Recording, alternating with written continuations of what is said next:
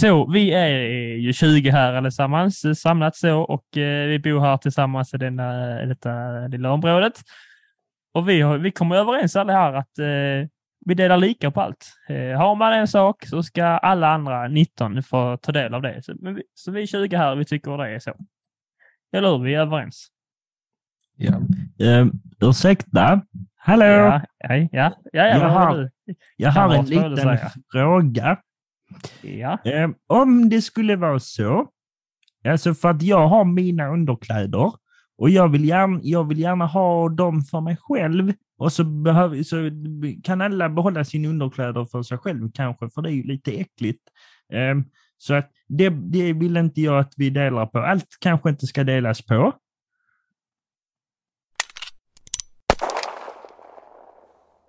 vi är ju 19 personer här. Vi har alltid varit 19 personer här i detta området och vi är alla överens på att dela allt, eller hur? Eh, precis som jag sa tidigare, att vi är 19 här som vi alltid har varit 19. Eh, har man en sak delar man till de andra 18 då. Eh, frågor på det? Nej, bra.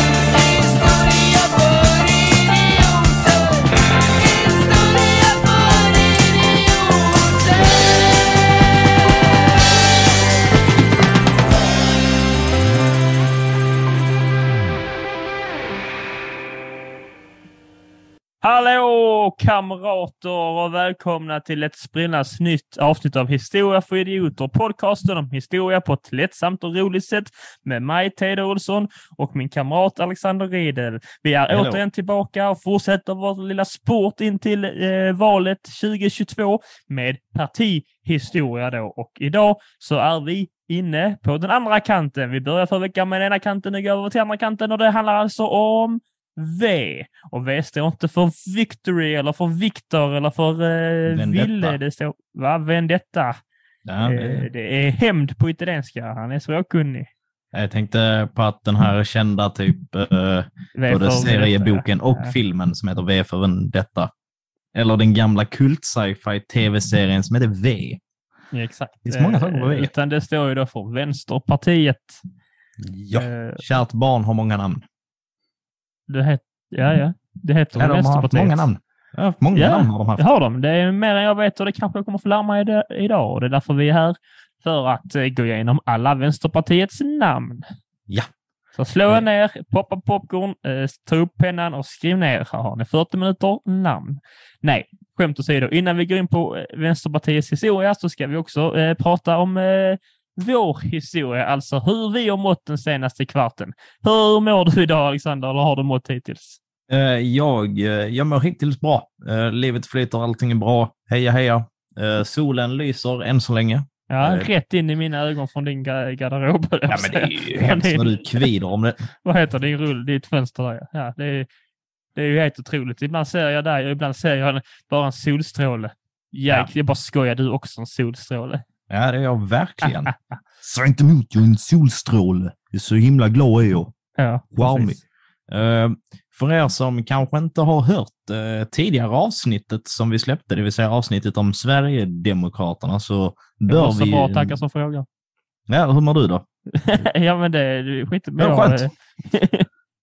Berätta nu hur du mår. Ja, nej, det var inget viktigt att säga. Jag tänkte bara ren artighet. Vi kan ju passa på att ändå visa med gott mod att om någon frågar hur man mår så kan det vara snällt att fråga tillbaka faktiskt, eh, så ni vet det, kära lyssnare.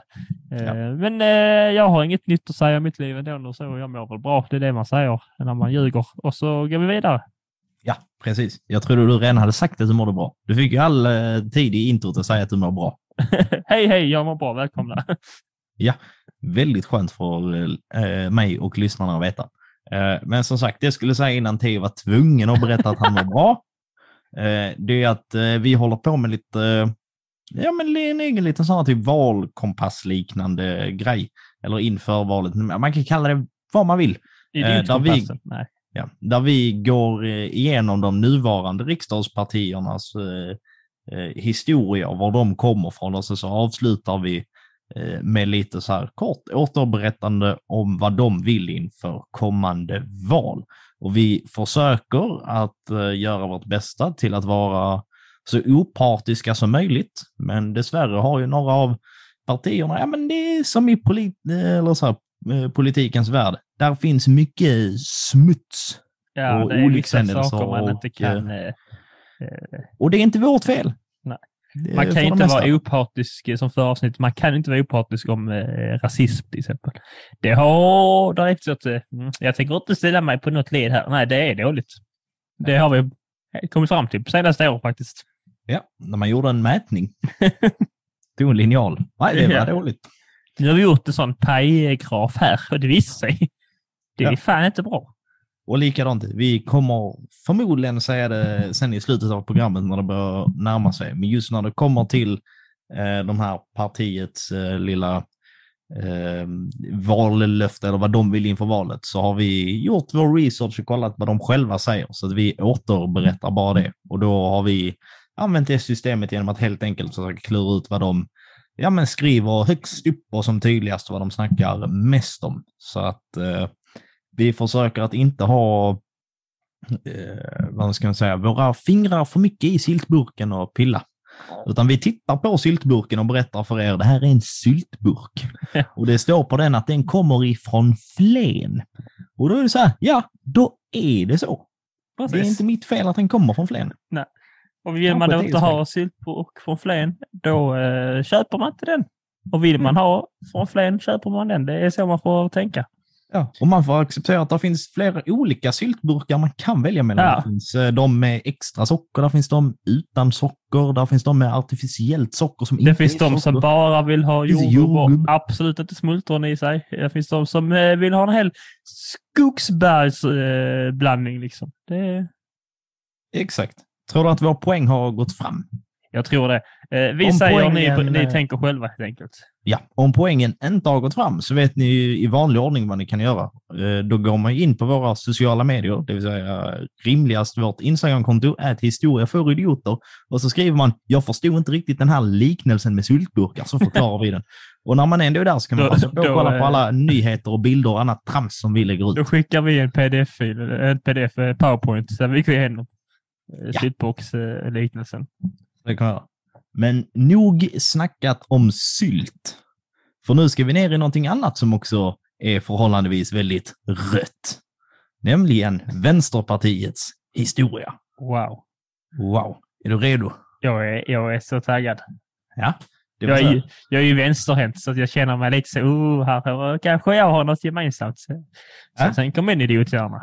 Jag glömmer alltid att du är vänsterhänt så att, Ja, Det är varje, jättetråkig fakta. så att varje gång jag ser dig skriva någonting franskt tänker jag så bara att nu vet han inte hur man gör. Ja, är fan idiot på riktigt. Han, han spelar bara inte i podden, utan han på riktigt så han är blåst. Ja, men lite så. Uh, var tror du att den här historien börjar till? Har du någon gissning? Göteborg, Okej, när borde jag kanske frågat? 1917. Ja, exakt. Och vad hände 1917? Eh, Det, det händer mycket. Det beror på var i världen du vill vara. Ja, men här i Sverige, speciellt där på vårkanten, det har vi, pratade vi om för inte så jättelänge sedan. Ja, ja, ja, ja. Allmän eh, eh, rösträtt för män. Ja, jo, Det pratade vi om för inte så länge sedan. det, det pratade vi om. Det, alla Eh, Men män fick själva läget, 1917. i, själva läget i Sverige, det är ju ett eh, första världskrig som Ja, eh, håller jag. på och stundar. Ja, det vet jag, men jag vet inte vad du är ute efter, så det får du säga. Eh, Det är ju nämligen så att tack vare det här första världskriget, som var väldigt dumt, Mm, det var inte bra. det kan, det kan vi ändå stå för att säga att det var dumt. Här är vi inte opartiska. Här. Så befinner sig Sverige i en ekonomisk kris. Och tack vare eh, den så här ekonomiska krisen och att i och med att det pågår ett världskrig, eh, det kan man ju så här, eh, koppla lite till idag med hela Ryssland-Ukraina-grejen, att sådana, den typen av stora konflikter påverkar alla på olika sätt. Man Har sett att det blir lite svårt med, just nu är det väl energileverans som är lite klurigt, men under den här tiden så var det svårt att få in både mat och liksom så här övrig tillväxt i Sverige, vilket då ledde till Svält. svarar ja, svält. Eh, och eh, den här svälten, ja, den var ju inte jättepositiv. Det leder ju såklart till... Var den inte det? Finns det positiv svält? Eh, Alexander? ja, Finns det det? Kim Kardashian sva- svalt väl i typ så två veckor för att komma in klänning här på någon sån här gala i somras. I, i, i, här, i uh, Merlin Burroughs. eh, Så att, eh, eh, och så kände hon sig jättefin. Så då fanns det en positiv grej. Eh, Men svälten ihop... Vänta, är inte det verkligen motsatsen till Vänsterpartiet? Att man köper en svindyr, eller får låna en sån svindyr skitklänning, eh, går ner i vikt för man ska se snygg ut på en gala. Eh, för att man är rikaste kvinnan i världen, typ. Ish. Nej, det är hon nog inte, men eh, och så för att man då har en image att träda fram i och bla bla bla. Det får vara som det. Du, fråga, du ställde en fråga. Jo, det var bara roligt att vi kom så, så långt ifrån och sen tillbaka igen på en halv sekund. Ja. Eh, I alla fall, eh, tidigare så sociala orättvisor som kommer lite så här efterdyningar av dels egentligen hela medeltiden, och speciellt industriella revolutionen, där det blir väldigt tydligt liksom så här att det är folk som jobbar och sen så folk som äger saker. Och eh, de som äger saker har mycket, mycket, mycket, mycket mer än de som arbetar. Och att där är ju till och med på den eh, eh, nivån att folk behöver ju ett arbete för att kunna överleva, men de är så pass många som behöver ett arbete så att man behöver inte behandla arbetarna speciellt väl. Och det blir väldigt tydligt så här, stora klasskillnader. Eh, och de här sociala orättvisorna, de eh, fortsätter öka och gör sig ännu mer tydliga. Och eh, den svenska befolkningen blir, eh, de blir lite arga. Så Mm. att under våren 1917 så är det mycket kravaller i Sverige. Det är liksom lite, lite poliser upp lite slagsmål på gatorna och att folk svälter ihjäl. Och då får vi blicka eh, så här. Hur kommer då Vänsterpartiet in i den här lilla frågan? För att Vänsterpartiet är inte riktigt uppfunnet än, men det ska alldeles strax bli uppfunnet. För att i Socialdemokraterna så finns där en liten opposition som eh, man kan säga att det här oppositionsspåret, det har fan aldrig slutat komma. Det är att det alltid finns de som tycker att nu har Socialdemokraterna blivit lite väl höger, va? De fanns en kvart och bara, nej, nu gick det för långt. Ja. Eh, men likväl så bara det här att eh, där finns en opposition inom partiet som tycker att Socialdemokraterna har blivit lite väl höger och börjar lämna liksom sina rötter. Ja. Den här oppositionen har samtidigt blivit inspirerade av eh, Lenins bolsjeviker och socialisterna i Ryssland, Mm. eller Sovjetunionen. Ehm, så att det börjar bildas en eh, lite så här splittring i Socialdemokraterna. Eh, I februari 1917 så har man en partikongress och där säger Hjalmar Branting att det här kommer att bli uppgörelsens dag. Därefter har man en liten eh, omröstning och den här oppositionsgruppen röstas ur det socialdemokratiska partiet. Oj. Ja, men man kan ju tro att om man ändå har bildat en opposition inom partiet så ger man sig ju inte så lätt.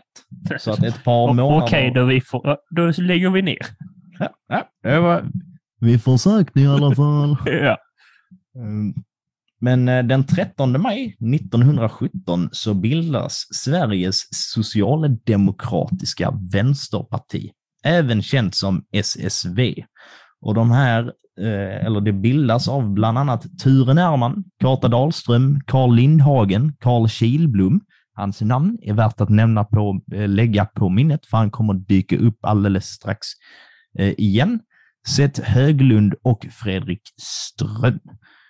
De bildar tillsammans det är så, eller så här, förgrunden, eller egentligen det tidiga Vänsterpartiet, om man ska vara rent konkret.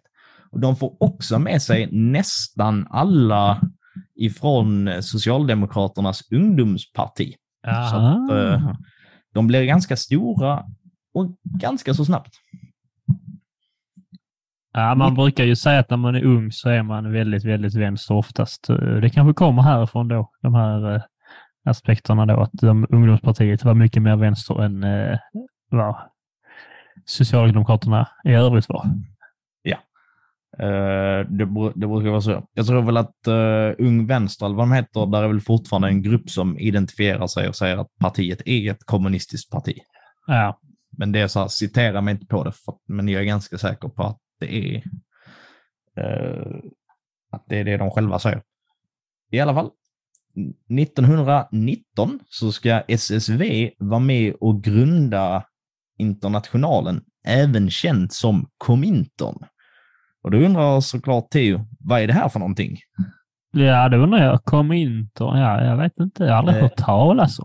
Detta var en sammanslutning av kommunistiska partier runt om i världen som samlades i Moskva.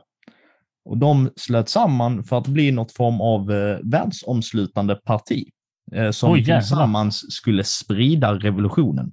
Fy fan, det låter lite läskigt nästan. Så att man skulle kunna, man skulle nog kunna säga liksom så att eh, Komintern är själva, det här, jag vet inte, pinnen i paraplyet och sen så Ja. i själva eh, täcket på paraplyet, eller vad man kallar det, Ja, skynket. Ja. Där någonstans eh, så finns eh, SSV.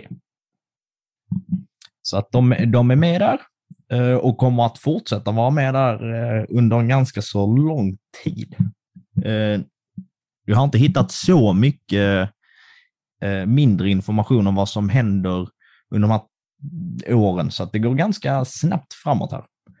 1921 så bestämmer sig, eh, vi kanske ska ta det först, att när vi ändå är på 1919, det är ju där vi får allmän eh, rösträtt, eller så att det röstas igenom och sen används det i praktiken 1921.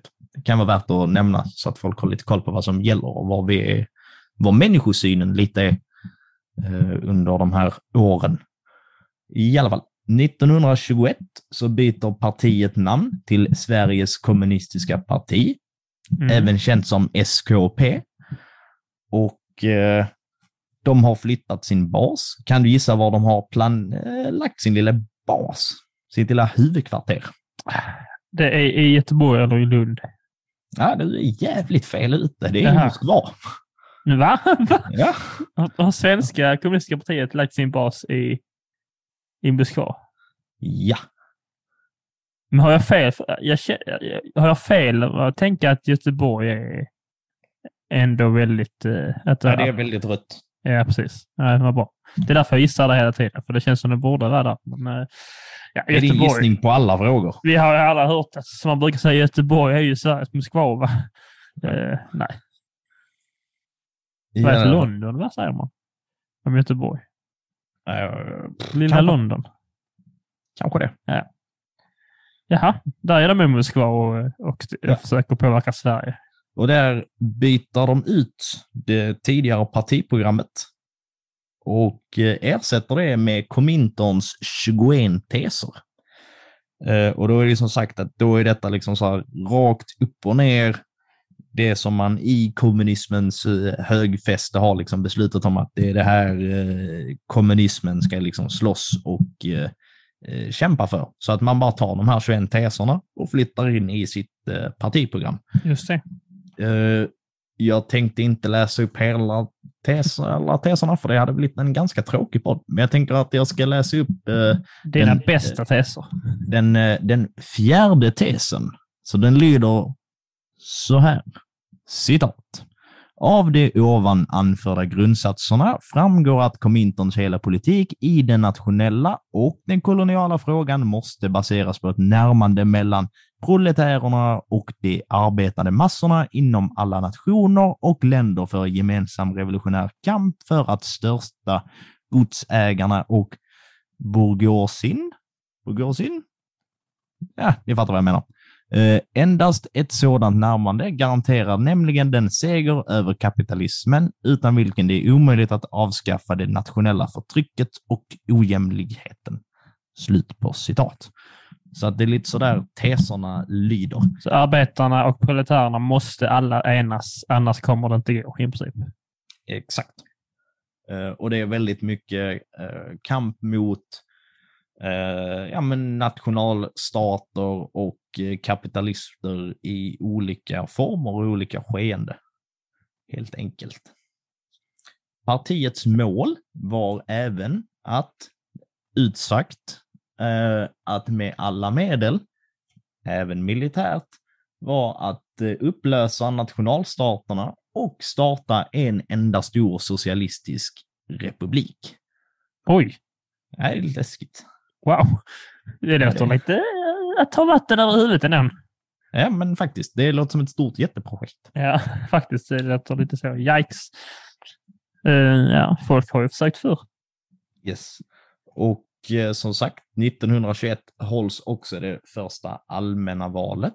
Och redan här pratar Vänsterpartiet om att man skulle undersöka eh, ja, men konsekvenserna och möjligheterna för fri abort. Så där var de väldigt eh, tidiga med det. Alltså Oj, då, det var fri tidigt. och eh, säker abort. Och sen är det ett par år där det tycks vara ganska lugnt och alla vet att om det är lugnt, då är det en storm på väg. Du Vet lugnet, för, lugnet före stormen. Det, Jag försöker, jag försöker tänka på om jag har det lugnt just nu. ja, Nej, det har jag inte. Vad skönt. ja, vad skönt. Eh, Då får du lugnt sen. Eh, 1929 så sker en splittring inom partiet. Carl Kilblom, som var med och grundade partiet, han fördömer stalinismen. Och känner så här, nu, så här, nu är vi lite väl ute på fel spår. Va? Och eftersom att man då har kopplingen till Moskva och Komintern, och när Stalin då så, Mm. tar över och jobbar, så blir det ju liksom så såklart att det påverkar dem i allra högsta gr- grad. Den eh, större, eh, här, när Kilblom gör detta, eh, så utesluts han och större delar av partiet ur Komintern. Däremot eh, så är han, han har andra planer, Carl Kilblom, så att han och en man som heter Nils Flyg startar ett eget parti som heter Sveriges kommunistiska parti. De också? De också. Så att, eh. De, an- Eh. de anser då att andra partiet inte är Sveriges, utan det är Stalins kommunistiska parti kanske. Eller något sånt. Eh, Så de startar ett eget SKP och Hugo Silén som ledde gamla SKP, vilket var de mer så här Komintern-trogna, eh, de finns kvar. Så att vi har två stycken partier Fan vad förvirrande. Som heter likadant. som heter likadant. Eh, Men i folkmun så kallades det ena partiet för så här Kilbommarna och de andra för Silenarna. Och detta är då partiets största Vä- splittring. vänta, vem var nu? Kil- Kilblom var den nya. Ja, han var med och... Ja, det blev ju den nya partiinriktningen eftersom att han Exakt. fördömde stalinismen. Men han var med Precis. och grundade. Ja, jag vet, men bara som man... eh, Ja. Mm. ja. Sen, är, sen är det lite oklart eh, när de liksom så sluts samman eller vad som händer. Eh, så att det låter jag vara osagt. Hur det så här, för att någonstans måste de antingen ha gått ihop igen. Eller så har något försvunnit. Eller så har något försvunnit. Eh, under 30-talet händer lite grejer. Wow, gör det? Aldrig hört talas om. Lite. Eh, det politiska Europa är ju i kaos i stort sett. Det är väl lite svält. Mm. Det är en liten så här, Som sagt, det var, det var, det var lugnt innan. Nu kom stormen. Precis. Ehm, och eh, under 30-talet så, hörs, eh, så hålls också det sista Kominternmötet 1935. Och där föreslår man att man tillsammans på enad front ska stå emot fascismen oavsett parti. Och detta kallades eh, för enhetsfronten. Så att trots att själva Komintern inte fanns kvar så skulle man väl ändå lite så här eh, stå kvar eh, hand i hand och hålla ihop. Det är ju ändå trevligt. Det gick ju inte jättebra för dem. Nej, det, ja, det, nej, men det Ett var tag väl i alla fall. Eh, Sen gick det bättre. Eh, 1936 så blir en kvinna som heter Solvig Rönn den första eh, kvinnliga representanten för SKP uppe i riksdagen. 36. 1936. Okej. Så att det är tidigt. Däremot, eh, under för 1940-talet, nu jäklar är det aktivt. Under 40 och 50-talet. Men där det händer kan man ju tänka sig att de känner att det här behöver vi nog försöka höras lite mer för att eh, där är någon som eh, hörs ganska mycket. Ja. Eh, innan vi kommer in på det, så att under 40-talet så la man bland annat fram motioner för lika löner och motioner för liksom så här, mot barnaga, att det skulle förbjudas. Det är Eh, ganska fina saker ändå att eh, motionera mot, så att säga. Ja, Eh, det låter ju också tidigt och det låter ytterst rimligt. Det låter inte tidigt, alltså det hände ju, det är ju tidigt för att det hände först, eller ja, tidigt jämfört med varandra andra och jämfört med när det hände. Men det är ju ändå ganska, man kan ju tycka att det är ganska för sent. Kan man också tycka. allting är ju relativt. Nej, det är det inte. Nej, vet, men nu har vi inte tid på dina filosofi-genomgångar. här. Nej, nej. Eh, under andra världskriget så får SKP inte sitta med i Per Albin Hanssons samlingsregering. Eh, detta är ju då för att man tror att eh, fler, alltså så att eh, partimedlemmarna i SKP då kan ha statsfientliga planer Just det. eh, och vilja störta och göra det svårt eh, för Sverige, vilket man i och med det vi lärde oss eh, innan om de här, den stora socialistiska republiken är väl kanske inte jättesvårt att tro. Och i och med kopplingen man har mellan partiet och Moskva och att Sovjet under ganska många år i det andra världskriget står lite på fel sida. Så, det så, ja, det är väl de har liksom hyfsat rimligt att ha Det var med ett gäng som alltså, sa, vad är, er, eh, vad är er största plan? Ja, men vi vill att eh, störta sådana här eh, stater och bli en jättestor liksom stat. Men vi är en sån stat. Ja, Och, men kom med här. Kom med här ändå. Det är Yes. klart att man inte vill det. Det känns ju lite läskigt. Ja, och att i finska vinterkriget så ville SKP liksom backa eh, Sovjet. Mm, Medans eh, Okej. Per Albin Hansson och eh, de övriga var väl lite mer på Finlands eh, sida. Flera av partiets medlemmar blev internerade på arbetsläger i Norrland på grund av det här. Man uppskattar att det satt mellan 350 och 370 i ett litet läger där i Norrland under Det, vintern. det lät inte 1900 så jävla bra. Nej, under vintern 1939 och 1900. Har vi haft 40. arbetsläger? I Sverige? Ah, Arbetsläger, arbetsläger.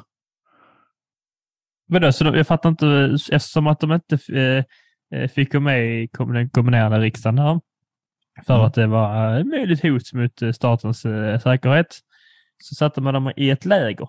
Blev de Man politiska satte, inte, fångar? man satte inte alla i läger, men en del som man misstänkte hade statsfientliga motiv. Så satte man där. De blev alltså statliga fångar? Ja. Politiska fångar? Ja. Okej. Det är som scary shit. Yes. Eh, men det var väl eh, en del av tiden, eh, tänker jag kanske. ja. Eh, Den 2 Gjorde. mars 1940 så inträffar det största terrorattentatet i Sverige under 1900-talet. Redaktionen för SKPs tidning, och det här är lite roligt om man får vara lite ironisk, eh, deras tidning Norrskensflamman eh, bombades och eldades upp. Jaha. så hela redaktionen där. Eh, tidningen bombades av personer med anknytning till eh, högertidningen Norrbottens-Kuriren och eh, militären, där det totalt dog fem personer i händelsen. Det är Wow. roligt för att det hette Flamman. Nej, det är roligt för fem personer dog. Men det var inte så kul, så jag tyckte inte det var jättevärt att nämna. Men det var, Ja. Det är väl kul att någonting som heter Norrskensflamman brinner upp. Det är väl Ja. ironiskt. ja, det är sant. Ah, så går man dit, ah, där är den. Ja. Norrskensflamman. Eh, dock efter andra världskriget så ökade partiet i storlek och liksom i eh, omröstningar på grund av att Sovjetunionen hade, de hade bytt sida under kriget. Ja, just det. Så att eh, då fick man en liten extra boost. Eh, detta varar dock fram till eh, 50-talet. Så det är ingen jätte, det är en ganska kort eh, succémarsch de har. Eh, partiet minskar. Eh, inrikespolitiskt så närmar man sig Socialdemokraterna, men utrikespolitiskt politiskt, är man fortfarande väldigt Sovjetvänliga. Ja, ja, Eh, jag, trodde, ja, okej, jag tolkar det som att de närmar sig eh, S i eh, siffror. Nej, nej, nej, nej. alltså de närmar sig politiskt. åsikter. Ja, ja. Ja, inrikes, men utrikes så är man fortfarande så här. Men God att, att, eh, att eh, det nya trycket avgår, så att säga, att den nya populariteten avgår vid 50-talet, det måste väl bero på att man, man märker liksom hur, ja, men hur de sovjetiska delarna i öst eh, påverkas, antar jag. Det måste ju vara så att man säger bara, ah, okej, de har det inte. Så varför har de här i väst det lite bättre än dem? Mm. Och så tänker man, ah, okej, kanske. Bara en tanke. Det är en rimlig tanke. Tack. Varsågod. Jag tar med mig den komplimangen resten av livet. Yes. Eh, under den här perioden så var en man som heter Hilding Hagberg ordförande mellan eh, 51 och eh, 64. Eh, under, fem, alltså, sagt, under 50-talet och in ganska länge på 60-talet så får man också ekonomiskt stöd direkt från Sovjetunionen för att liksom så här, kunna sprida revolutionen och sina tankar. Så att rätt ner från lille Josefs ficka. Det är ju en eh, varningsklocka som heter duga. Eh, Eh. eh, rent spontant, även om man anser liksom att eh, man kan ju tycka att kommunismens eh, grundtanke är liksom att alla ska dela lika. Alla, eh, den är ju ändå hyfsat alltså fin i tanken, i den lilla, om man bara tittar snabbt. Men man behöver inte titta, man behöver inte titta jättelångt för att se att det lilla Josef eh, sysslar med är, är kanske inte så jävla gott. Man behöver ju bara blinka en gång och sen har man eh, sett det. Liksom. Ja, så att man, eh, man jobbade mycket med eh, alltså, ja, Sovjetunionen och DDR och Stasi där och likartade organisationer runt om i världen som då levde så nära ett kommunistiskt samhälle som man kan komma. Så att där var man eh, väldigt närvarande. Partiet förändras eh, dock under 60-talet eh, Och detta är för att det kommer eh, en, en ny generation in i partiet som vi var inne på innan. Hilding Hagberg satt ändå i 13 år. Det är ändå ganska länge, så det hinner hända mycket i 13, under 13 år. Och så, så får man väl anta, ja, alltså om man är politiskt aktiv så har man väl förmodligen eh, sin egen uppfattning ganska klar. Och sen så strävar man mot den. Jag tror inte att, eh, om jag får killgissa lite, så tror jag inte att man är eh, mottaglig egentligen för förändringar. eh, Nej, det vore ju lite märkligt också att man Ja. som politiskt aktiv och så bestämmer detta strävar vi mot och sen bara så, ah, jag ångrar mig. Nu, eh, nu tycker vi, alltså det händer liksom inte. Det, det märker man ju ganska mycket på eh, förra avsnittet vi släppte om SD också, att det, även om saker förändras så är vissa grundtankar ändå, det förändras inte, som att det är väl det man Ja. Det hade varit konstigt om ens grund, grundideologi förändras så enkelt. Yes. Ehm, men den, där kommer in en ny generation med bland annat C.H. Hermansson, Lars Werner, Sture Ring och Kjell E. Johansson eh, som några exempel Eh, namn. Och eh, de vill att partiet ska bli mer Sovjetkritiska och mer anpassade efter eh, Sverige och eh, Sveriges parlamentari- parlamentarism. Jag bara fumlar på orden och, som i alla andra avsnitt också. Det är bara. Eh, Så att man bör lämna Sovjet lite bakom sig och eh, anpassa helt enkelt den här lilla formen man har byggt upp ut efter den svenska Det- modellen. Det var på tiden nu, säger jag utan att vara, eh, försöka vara opartisk. Men det är ju som sagt, vi vet ju om att eh, det, var, det de gjorde i Sovjet, det var inte bra. Det har vi också slått fast vid här nu. Ja, Det, det, det är så. Så det, det tror jag båtar dem gott för framtiden här, att de tar avstånd därifrån. ja. Eh, 1967 så byter man också namn till Vänsterpartiet Kommunisterna, det vill säga VPK.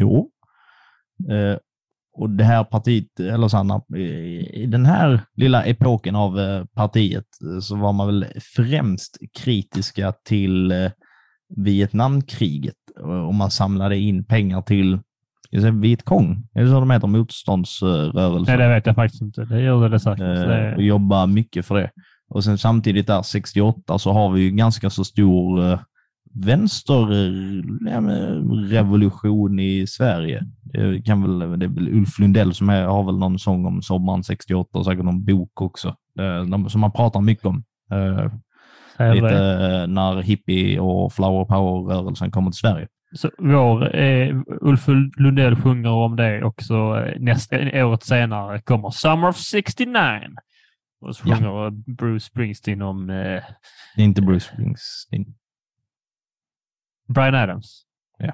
ja. Brian Adams sjunger om, eh, han bara, jag fick en gitarr. Yeah, rock and roll. Ja.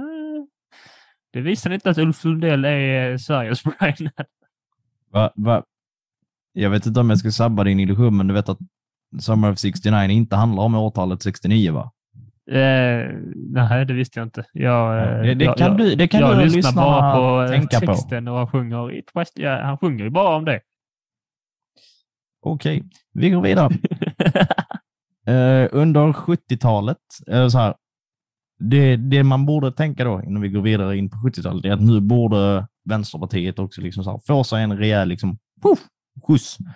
Eh, men problemet har varit att många i eh, VPK har liksom så här, eh, av de äldre och mer erfarna i partiet som varit med ett tag, det är så här, uttalat sig lite väl till så här, jag vet inte vad man ska kalla det, kommunistkonservativt. Alltså så här att de är lite kvar i viljan av att liksom så här, ha en stor gemensam kommuniststat och lite så här, Stalin är ändå decent och lite, lite sådana grejer som får allmänheten att vara så här bara, hmm, nej tack.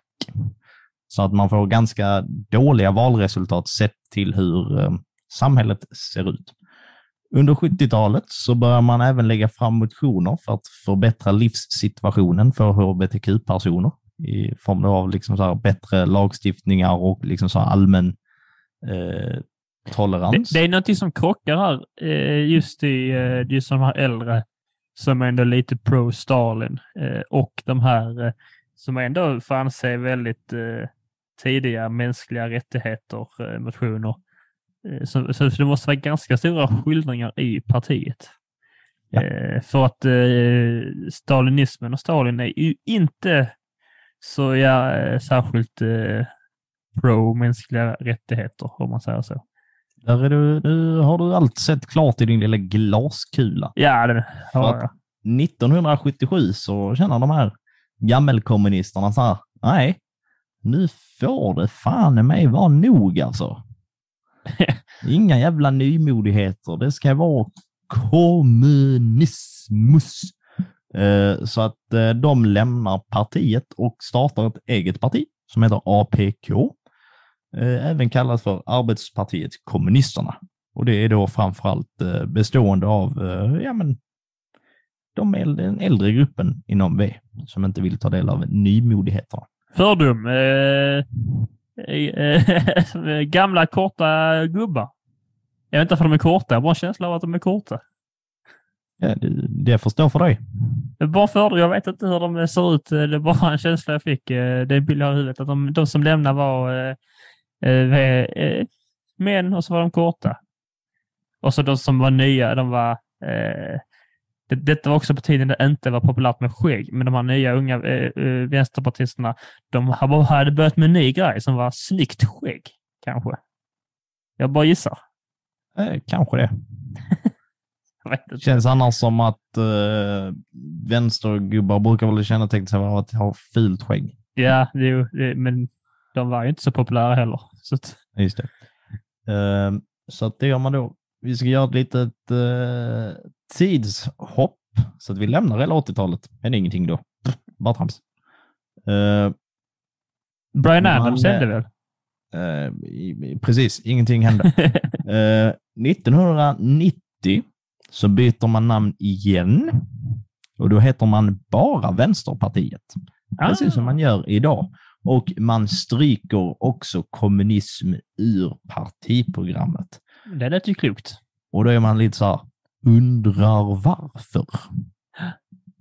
Jag skulle gissa på att det har nog någon, någon liten bieffekt av att eh, kalla kriget inte slutar till Sovjet och kommunismens fördel. Tror du det?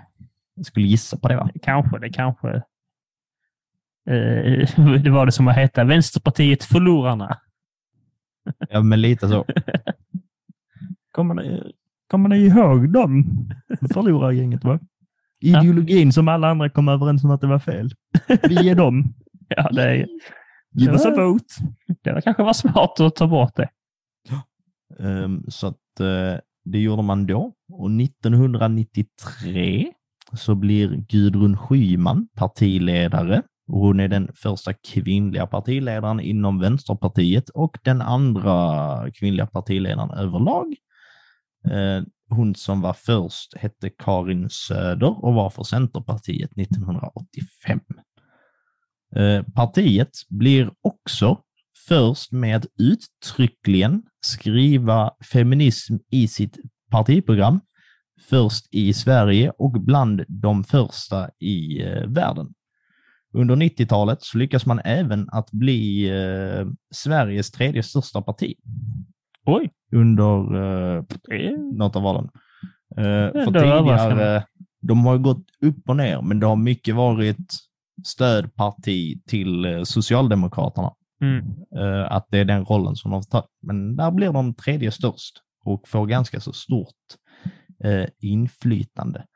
Efter Gudrun Schyman så hade man Ulla Hoffman som partiledare och därefter var det Lars Ohly och sen kom Jonas Sjöstedt och han har nu lämnat över facklan till Nooshi Dadgostar som leder skutan.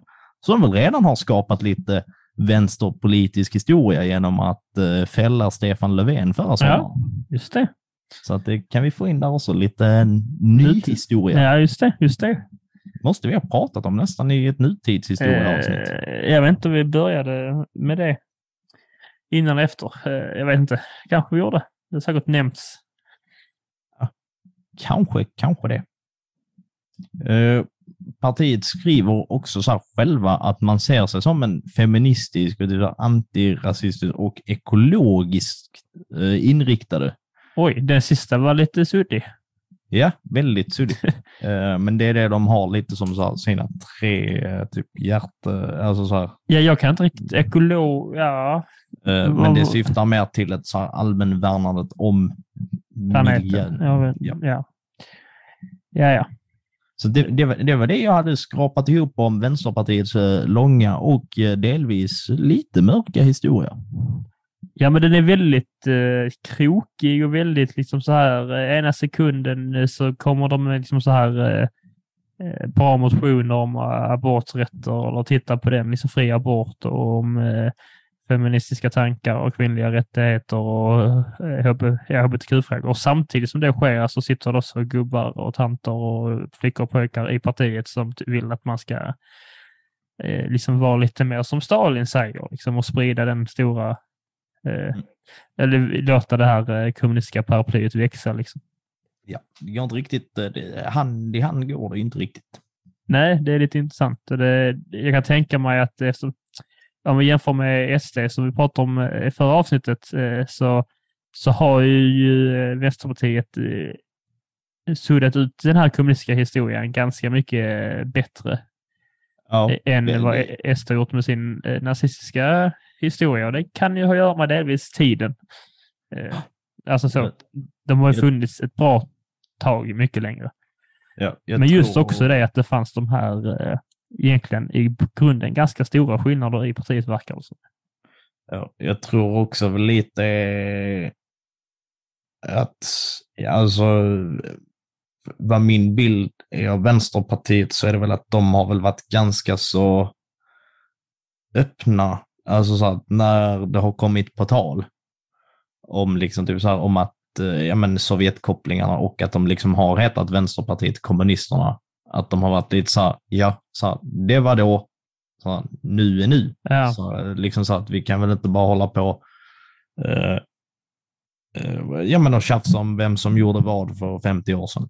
Eh, I alla fall den bilden som jag har lite så här, eh, fått av dem under de senare åren.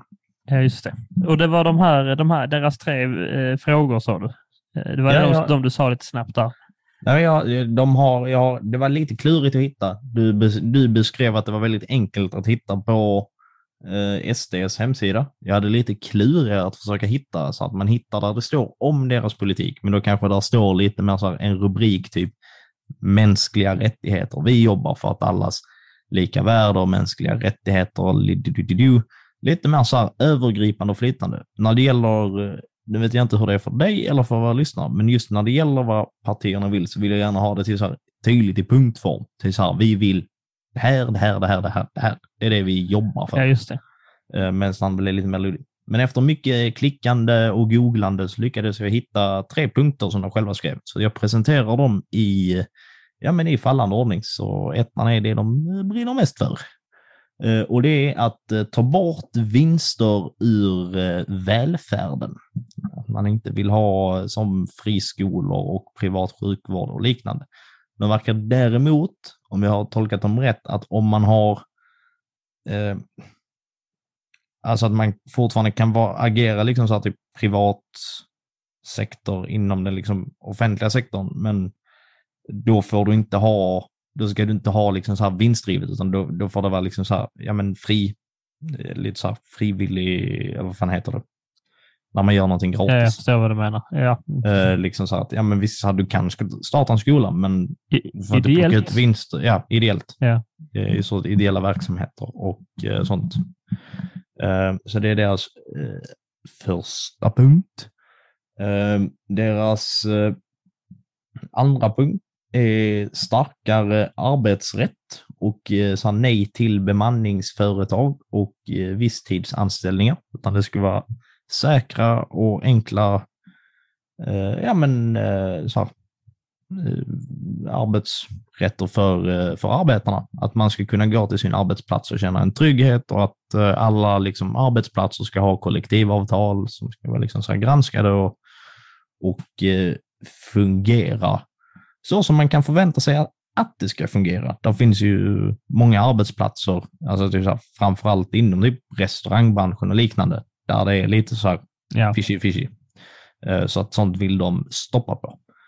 Eh, Deras tredje punkt är lite mer luddig och väldigt, väldigt övergripande. Och det kommer från den här podden när vi säger att någonting är väldigt övergripande. Att vi har, det är vårt signum. Vi är proffs på det. Ja, så att jag var tvungen att skriva den liksom så här rakt upp och ner för att det gick typ inte att sammanfatta det egentligen bättre än vad de själva har gjort, men de fick med väldigt, väldigt många saker här. Eh, så att citat. Vi jobbar också för klimatet och miljön, antirasism och landsbygdsfrågor, sjukvård och internationell solidaritet, hbtq-frågor och bostadsbyggande för ett neutralt Sverige och mycket, mycket mer. Ja, sånt är lite, alltså så, sånt, ja, det vill man kanske också Slutcitat. höra att ett parti eh, gör, men det som du säger, man vill ju säga vi arbetar för detta. Det, är, alltså, det intressanta är ju inte vad, utan hur. Ja. Och det är ju de majoriteten, eh, alltså upplever man ju ofta, super, alltså vad partierna är ju ganska dåliga på. Ja. Eh, jag upplever den politiska debatten mycket nu är, kolla vad de här inte har gjort. Eh, vi tycker det är dåligt. Typ. Ja, men det, det blir lite lite så typ tröttsamt. I... eh, eh, det blir många så här, ja men plattityder som egentligen, det låter bra men det betyder ingenting så här. Vi vill ha ett säkrare Sverige. Alltså detta gäller egentligen alla partier. Det bara, Ja. åh, ni alla vill ha ett säkrare Sverige. Så att det vill vi som bor här också. Ja, precis. I guess. Jag vet inte, det kanske finns några som bara vill ha ett så jävla osäkert land. Nej, men precis. Anarki, anarki. Ja, men det kvittar ju om man tycker att Sverige är skitsäkert eller inte, så vill man ju ändå... eh, Man vill alltid ha att någonting ska bli säkrare. Alltså det är, är ju inte dåligt liksom. Ja, och då blir ju frågan liksom så här, okej, men vad innebär, alltså här, vad, vad är det ni ska göra? Hur ska ni göra det? Ehm, och ja, det, det hade jag lite så klurigt att försöka hitta sig reda på. Men eh, som sagt, om man vill veta mer och försöka hitta själv, eller om man lyckas hitta på ett bättre ställe än, vad- än vad jag hittar, vad de faktiskt vill och hur de tänker göra det, så kan man gärna höra av sig eh, till oss, eller så här, framförallt gå in och läsa på lite själva.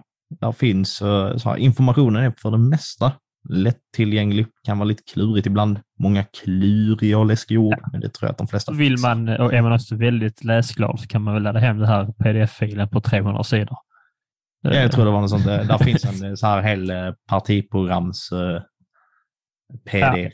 Och jag hade inte riktigt orken att kämpa mig igenom hela den. Jag har svårt att tro att varenda medlem läser det. Nej, I vilket parti som helst. Eh, Alltså, Det är bara den som skriver och redaktören som har läst det. det är bara för att det ska finnas. Det, Ta en praktikant. Kan du skriva partiprogrammet? Men Undrar om-! Undrar om det är typ så att de har, eh, jag tänker om man skulle blivit en sån, så har haft utmaning och gömt så många könsord i partiprogrammet som möjligt. Så de har verkligen studerat, alltså bara fan här är ju 82 könsord i detta som inte bör vara där. Vi arbetar för högre skatt och större penisar. What? Det är väl ändå, ja. inte, jag tänkte lite mer sub- subtilt, inte riktigt utskrivet. Ja. Större gurkor. Ja. Ehm, nej, det var, det var ungefär det jag hade. Har du några tankar och funderingar som du vill dela med? Du brukar ju sitta och tänka och fundera. Och, Ja, men det, jag brukar göra det. Men sen är jag ju så här eh, instabil, höll jag på att säga. Men eh, det var inte det jag menar. Men väldigt disträ. Så tankar kommer och går snabbare än vad jag hinner eh, fisa, så att säga. Eh, så att det är inte så mycket, eh, men jag tyckte det var intressant. Eh, som jag nämnde, och de, eh, det som var mest slående var just den här liksom, eh, skildringen från eh, stalinismen liksom och tänka att eh, men det följer vi och eh, de eh, väldigt starka mänskl mänskliga rättigheter, eh, motionerna och åsikterna som är verkligen eh, man kan, jag kan inte riktigt greppa det. Hur det kan eh, ligga under samma eh, i samma tält och mysa på så, så, så sätt. Eh, vi kan ju, för att vara lite så tydligare, det som uh, Vänsterpartiet vill och egentligen alltid har velat, det är ju liksom att uh, ha, men ha ett totalt alltså jämlikt eh, samhälle där alla eh, har det mer eller mindre exakt lika bra. Ingen har, så här, ingen har mer än vad den andra har Mm. och så vidare och så vidare. Och det innefattar såklart också eh, ja, men när det gäller hbtq-frågor och eh, feminism och hela den biten. Att det, de, där måste det också såklart vara helt jämställt, alltså, för att annars funkar inte det andra. Eh, så att det är mycket ja, men den typen av frågor som jag jobbar för. Och sen så såklart eh, ganska mycket, alltså att staten har någon form av eh, ja, men, mer kontroll och inflytande och likartat. Precis. Vissa saker ska de ha hand om. Så Exakt. har vi, ja, vi ändå sammanfattat det ganska bra. Det tycker jag, tycker jag nog. Det är intressant också, vi släpper de här utkantsavsnitten eh, först eh, så man får lite eh, se båda delarna. Och är, båda har ju lite krokig historia. Eh, Men den, är, ja, den ena har uppenbarligen haft längre tid på sig och kanske avskilja sig från den. Så man vet inte vad framtiden liksom gör med SD, så att säga. Hur de kommer att ses på i framtiden. Kan, det är ganska onödigt. Det snacka om igen. Ja. Men det är intressant, spännande. Ja. Tackar Så, vi för. Alexander. Eh, Jag vet ni, kan ni ha att tänka på när ni går och röstar? Och innan man går och röstar, för det är ändå lite tid tills dess. Och man undrar, hur ska jag få lite mer historia för idioter news? Det gör man ifall informationen missar, i, missar dig i början. Går man in på Instagram och söker på ett historia for idioter så dyker det upp så går man in och följer så får man ja, men lite, lite skoj och nyheter om och lite det ena och det andra. Precis. Och Och, så kan eh, man också göra till. Eh, Man kan, eh, om man vill eh, liksom, man, efter de här eh, två avsnitten inte än har bestämt sig vad man ska rösta på, eh, eller man kanske vill veta mer om det sitter, man kanske redan har ett favoritparti, och man vill veta mer om det i historien, så se till att följa oss på din poddapp. Så du direkt får notis när, så du ser när ditt favoritpartis historia kommer upp, eh, kommer upp helt enkelt. Det hade uppskattats. Och när man ändå är där nere inne och trycker på följknappen får man jättegärna ge oss en liten bedömning också. Det hade varit trevligt. Uppskattar vi. Det gör vi. Bra. Bra. Ska vi, ska vi knyta ihop den lilla, den lilla påsen här? Det gör vi. Jag tycker vi eh, hämtar eh, det röda eh, snöret och knyter ihop den. Vad heter det? det håller jag som med. Den här tygpåsen, klassiska tygpåsen som jultomten kan jag tänka sig bär på. Men, och det gör vi genom att Alexander säger. Tack för att ni lyssnat. Kul att vara lyssnad och kom ihåg att all historia är värd att snacka om och tramsas lite om. Och nu ska Teo spela en ruskig banger för er. Ruskig banger. Кабас колбасит соло, колбасер по пояс.